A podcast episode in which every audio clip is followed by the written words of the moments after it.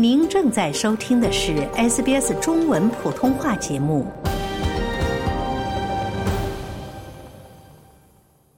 听众朋友们，大家好！您现在正在收听的是《闲话澳洲》，我是雨夜。那今天呢，我们要接着上一期节目，和大家继续来说一说有关于家暴的话题。记得在上次的节目中呢，我们是说到了根据澳大利亚统计局二零一七年的数据，六分之一的女性以及十六分之一的男性呢，是从十五岁以来遭受过来自伴侣的身体或者是性暴力。这个数据也是告诉大家呢，家暴在澳洲其实是非常普遍的一件事情。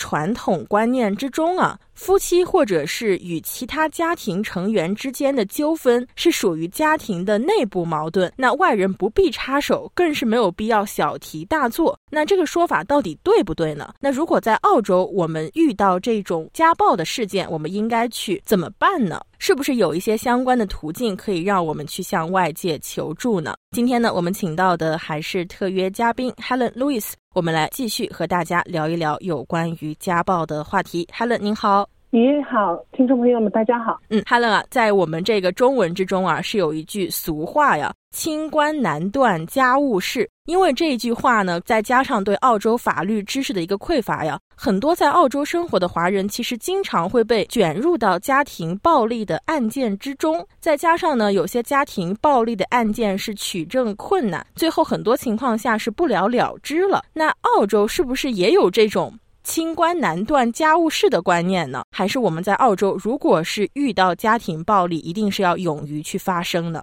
其实呢，从英语的说法这里看，就知道澳洲是其实跟就是华人的一些想法呢很相似。家暴，家暴呢，在我大概刚刚来澳洲二十多年之前呢，一直是被称为 domestic violence。domestic 那就是一个家庭内部的暴力，呃，但是现在呢，它叫 family violence，其实更贴近于就是家暴，对吧？呃，family 家嘛。但是为什么它这个叫法从 domestic violence 转换为 family violence 呢？因为 domestic 是给人一种印象，就是这是一个家庭内部的事，外人不必插手。但是现在呢，呃，大家就希望让所有的人有一种观念，就是这个的确是一个家庭里产生的暴力。但是如果知道有这种情况发生呢，它不再是一个外人不便插手的一个 domestic 的一个情况，而是，如果知道有家庭暴力发生，大家都必须需要伸出援手。所以呢，从这一个称呼方面的转变呢，就可以看出，澳洲现在对家暴就越来越重视了。嗯，澳洲社会现在对家暴从这个用词方面可以来说一个改变吧。那如果是在澳洲遇到比较严重的家暴的事件，已经是要动用一些外部的力量了，那我们可以去怎么做呢？比较严重的争执，甚至有肢体冲突的话，那当然就是需要报警了。但是如果是长期遭受家暴的影响呢，那么就可以寻求其他不同的机构给予的帮助。怎么说呢？说实话，我们的呃，我们自己公司有员工也碰到过这些事。现在呢，我作为一个口译呢，也经常会有需要为这种情况做翻译。据我所知呢，现在如果是叫了警察的话呢，警察会呃上门，随后呢看一下什么情况。通常情况下呢，他们会直接把施暴者带走，因为最主要的是保证在场所有人的安全，而把施暴者。带离那个家庭呢，是一个最。保险的一个做法，能够保证其他家庭成员的安全。呃，就像我们上一期好像提到过，现在呢，家暴的受害者就不叫受害者，是叫受影响的家庭成员。以前就叫 victim 嘛，就受害者。现在呢是 affected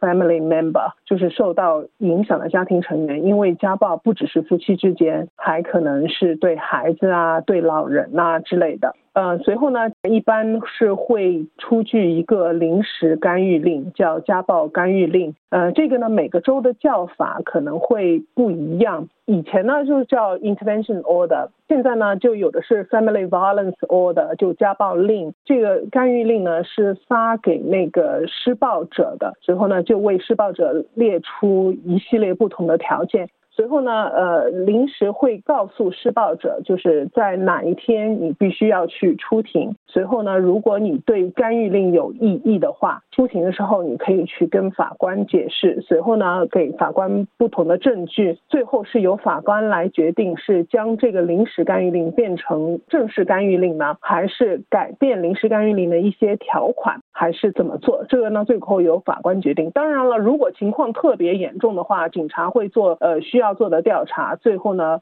呃，会对家暴者进行起诉。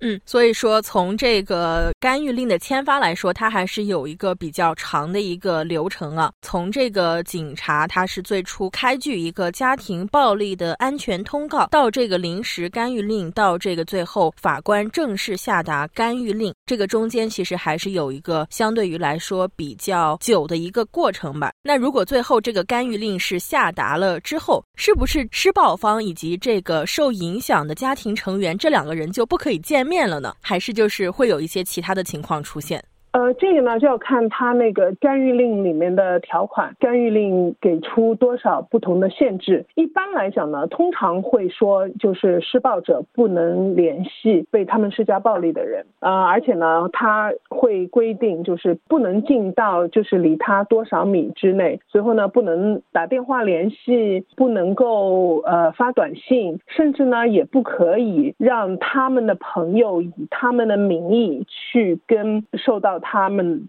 家庭暴力的那些人去联系，通常呢就会有这一些条款，主要呢就是为了保证受到家暴影响的家庭成员的安全。那如果在干预令生效的期间，这个施暴者他是做出了一些违反干预令的行为，比如说是进到了这个受影响的家庭成员多少多少米之内吧，这个也是我们可以在影视剧中经常看到的一种情况。那对这个施暴者来说，是不是会有一些法律上的后果呢？如果违反干预令的话呢，那就是一个非常严重的刑事呃犯罪行为了。所以，如果违反干预令的话呢，法庭是有权判处监禁啊或者罚款之类的。而且呢，也有可能会留下犯罪记录。其实澳洲呢也有，就是跟我们中文的“防君子不防小人”的这种说法，就说觉得好像干预令就是一张纸，他违反了也没用。的确，对一些非常暴力的一些施暴者来讲呢，可能干预令的确是没有能够起到多少作用。如果他真的是要加害受到他家暴迫害的人。但是呢，怎么来说呢？我们还是希望相信这是一个法治社会。所以呢，呃，如果知道违反干预令会得到什么样的处罚，那么还是可以就是起到威慑的作用。这样呢，就是可以让施暴者在施暴之前或者违反干预令之前呢，三思而后行。其实他们需要知道的是，临时干预令呢，之所以叫临时，就是你是其实是可以到出庭那天去跟法官讲你。为什么觉得这个干预令需要被取消？或者呢，你为什么觉得里面的限制条件需要更改？这个呢都是可以的。但是你一旦违反了干预令的话，那就很难再去跟法官讲条件了。大家说是吧？正如 Helen 所说的呀，这个干预令其实是给施暴者的一个震慑吧，可以去说。那如果是这个干预令条款中有一项，比如说这个施暴者不可以进入这个受影响的家庭成员多少多少米之内的这样一个条款，那如果是这个受影响的家庭成员他是联系这个施暴者去让他回到家中去做一些事情，那这个是不是也算是违反干预令的一种情况呢？在墨尔本的呃听众可能知道 Fitzroy 呃 Legal Service 就是 Fitzroy 法律服务处，它是一个比较有声望的一个法律咨询机构。他呢就举了一个例子，当然是那个编了一个名字。一个例子说，他说，比如说 Jonathan 接到了一个干预令，干预令呢是为了保护他的妻子的，因为 Jonathan 对他的妻子施暴。但是呢，干预令规定 Jonathan 不能回家。但是有一天呢，他的妻子生病了，需要有人帮助照顾三个孩子。因此呢，妻子打电话叫 Jonathan 回家。Jonathan 呢就开车回家帮忙做饭，并安排孩子上床睡觉。这个时候呢，隔壁邻居知道他干预领的情况，看到 Jonathan 回家之后呢，就打电话叫了警察。警察呢就逮捕了 Jonathan，并要求他出庭。这种情况呢，其实警察做的没有错。因为对干预令来讲，它限制的呢是 Jonathan 不能做什么，对他的妻子呢并没有任何限制条件，所以呢他的妻子其实是可以跟 Jonathan 主动联系的。但是呢，即便妻子联系他的情况下，Jonathan 还是要保证他不会做干预令禁止他做的任何事，比如说禁止他回家、禁止他跟孩子接触这类情况，哪怕是他妻子要求的。嗯，看来这个干预令中说到的一些条款，真的是要这个施暴者去认真执行的。如果是不去认真执行的话，如果是你的邻居，或者是我们中国可能经常会说到的这样一个朝阳群众吧，也是会挺身而出去做出一些相关的举报的动作的。那刚才呢，我们是给大家分享了一个相对于来说比较极端的一个情况啊。如果是这个家庭暴力已经到了一个无法调和的程度，而是必须要警察以及法院干预来出具这个正式的干预令，来防止这个施暴者以及被影响的家庭成员之间的一些接触和交流。那其实，在现实生活中呢。很多其他的家暴的事件呢，并没有严重到需要闹到法院去。但是呢，这些家暴案件很多情况下还是需要一个外部的干预。那如果是遇到这种情况，华人朋友还有哪些方式可以去向外界求助呢？呃，其实怎么说呢？作为一个受家暴影响的人来讲呢？最难的就是迈出那一步向外界求助，尤其是呃女性来讲，总是心存那么一点希望，就是总是觉得他还是爱我的，他只是一时呃意气用事，一时情绪激动，呃我呢还是相信他是会改变的。但是呢，很不幸的是，很多情况下那些人是不会改变的。所以呢，要要让那些女性呢迈出那一步，其实是很难的。但是呢，澳洲是有很多不同的服务，大家呢是可以去这些服务机构呢可以去求助。最普遍的，大家都知道的，就是全国通用的那个呢，就是一八零零 respect R E S P E C T，就是一八零零七三七七三二。这个呢，就是为受到家暴或者呢性侵犯的一些受害者提供一些辅导以及支持服务的。这个呢，是不管你是在呃哪里，都可以打电话向他们求助。那作为维州人来讲吧，维州有一个机构叫 Safe Steps。呃，意思就是呃，帮助你迈出安全的步伐，就是离开那一个有人施暴的家庭嘛。大家可以去打电话跟他们联系，这个呢是呃二十四小时全天候的服务，而且呢他们会提供保密的一些危机时候的一些支持，为大家提供一些临时的住宿。这个呢是一八零零零一五一八八。其实是非常有用的一个服务。其实到每个州，大家都可以去搜一下，就是 Family Violence Help，都可以找到很多不同的一些可以求助的机构，或者可以给你支持的机构。在维州还有一个机构叫 Orange Door，它呢是。主要是为家庭来提供各种服务，比如说心理咨询啊、住宿啊、受家暴的情况下给予支持啊，以及一些精神健康、毒品、酒精问题的服务，以及哪怕就是对子女养育方面需要支持的话。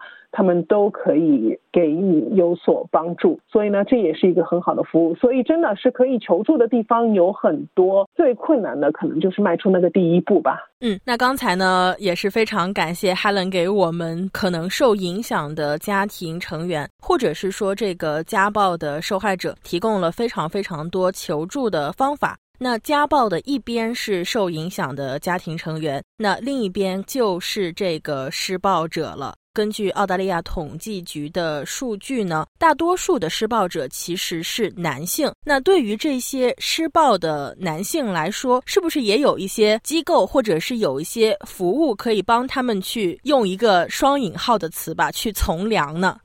嗯，其实呢，澳洲有一个，这也也是一个全国范围内提供服务的机构，它叫 Men's Referral Service，就是男性的转介服务。呃，如果就是作为一个男性，怎么说呢？如果你觉得在施暴之后，呃，有一些歉疚，有一些羞愧，那可以打这一个电话。或者呢？你觉得你可能是呃已经成为一个长期的一个施暴者的话，可以打这个电话。这样的话呢，呃，会有人可以跟你提供帮助。而且呢，就是受到干预令的人视情况而定。很多时候呢，他们呃会被转介去这一个服务，随后呢，他们会去上一些课程。课程主要是教他们怎么去尊重女性。对我们来讲，就觉得应该是自然而然的事，因为人与人之间本来就是互相尊重的吧。但是很可惜，在这一种情况下，在家庭暴力存在的情况下呢，很多时候就是一方对另一方的不尊重而造成了这些影响。所以呢，他们会有一些培训班、一些课程可以去上，希望吧能够帮助他们改变他们在。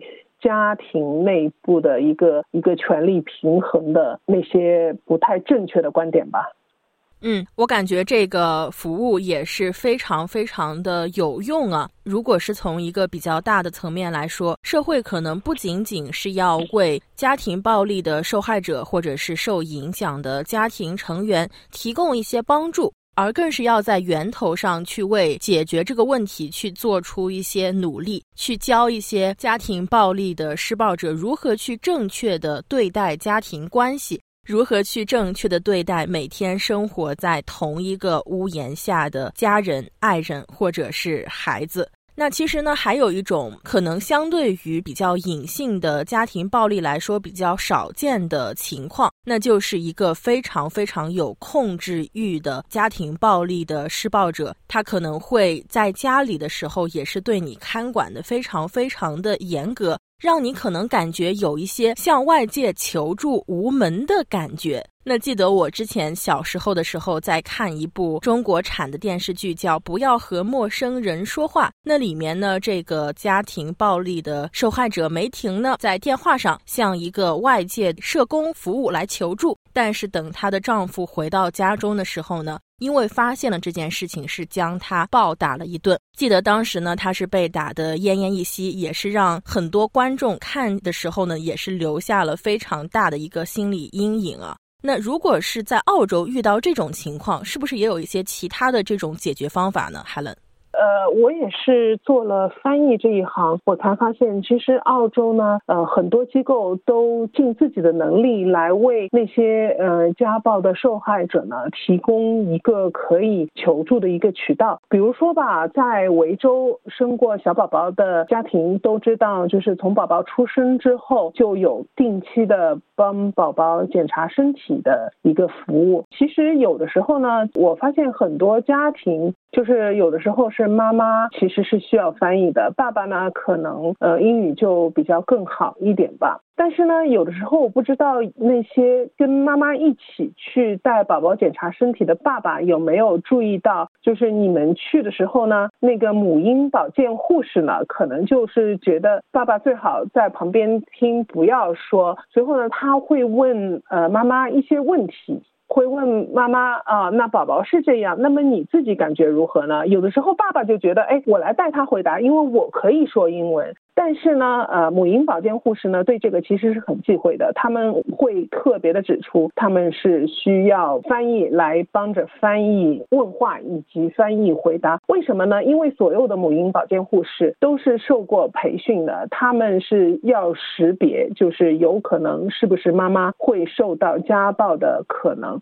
所以呢，他们其实更希望就是安排了翻译的话呢，爸爸就不用跟着妈妈一起来。当然了，这个不可以就是阻止他们来，因为毕竟也是爸爸的孩子，呃，而且很多爸爸对宝宝也是非常非常的爱护。但是当他们问妈妈自己情况如何的话呢，他们更希望从妈妈那边听到妈妈是怎么说的，妈妈是什么样的感受。如果一般爸爸不在家的话呢，他们通常会问一个问题，就是家里情况怎么样？还好吧？你在家感觉到？安全吗？有的时候妈妈就会觉得好像有种冒犯的意思，哎，你这个是什么意思？为什么要这么问我？其实呢，他们只是受过培训，是一定要这么问的。因为如果说六个女性中有一个会成为家暴的受害者的话，那么说不定这位妈妈就是六个里面的一个呢。所以呢，他们要给那些妈妈们呢，就是一个求助的渠道。还有一个呢，大家不知道注意没有注意，就是当你打电话给呃很多的电力公司啊，就是能源公司安排煤气啊、水啊，或者呢就是打电话，哪怕是 RACV，就是那个汽车保险公司打电话的时候呢，在等待接通的时候，他们的等待录音会说：“We take your safety very seriously. If you are a victim of family violence, please let us know。就是说，我们对你的安全非常关注。如果你受到家暴的影响，那请你务必告诉我们。所以呢，他们也是在尽他们的一份力量，给那个六位女性中的那一位一个寻求帮助的渠道。所以呢，如果真的是受到家暴的影响，那么可以寻求帮助的渠道还是挺多的。最主要的是要迈出那一步，寻求帮助。嗯，我感觉刚才 Helen 跟我们大家分享的这两种方法都是非常好的呀。对于前者来说呢，可能这个是这位女性唯一的一个向外界求助的机会了。那今天呢，我们也是和大家分享了，如果在澳洲遇到家暴应该怎么办。很多人都会说“清官难断家务事”，那这句话呢，其实已经是不适用于现在的澳洲社会了。如果是您受到了家庭暴力事件的困扰呢，一定要勇于的为自己发声，不要让这个家庭暴力一直是发生在家庭之中，成为澳大利亚一个系统性的、长期的一个问题。那也是非常非常的感谢 Helen，谢谢语言，谢谢大家。想在 SBS 当一回影评人吗？SBS On Demand 正在推送配有中文字幕的热门影视作品，您只需观看一部或以上影视作品，并把影评观后感发给我们，就有机会赢得一份 SBS 精美礼品。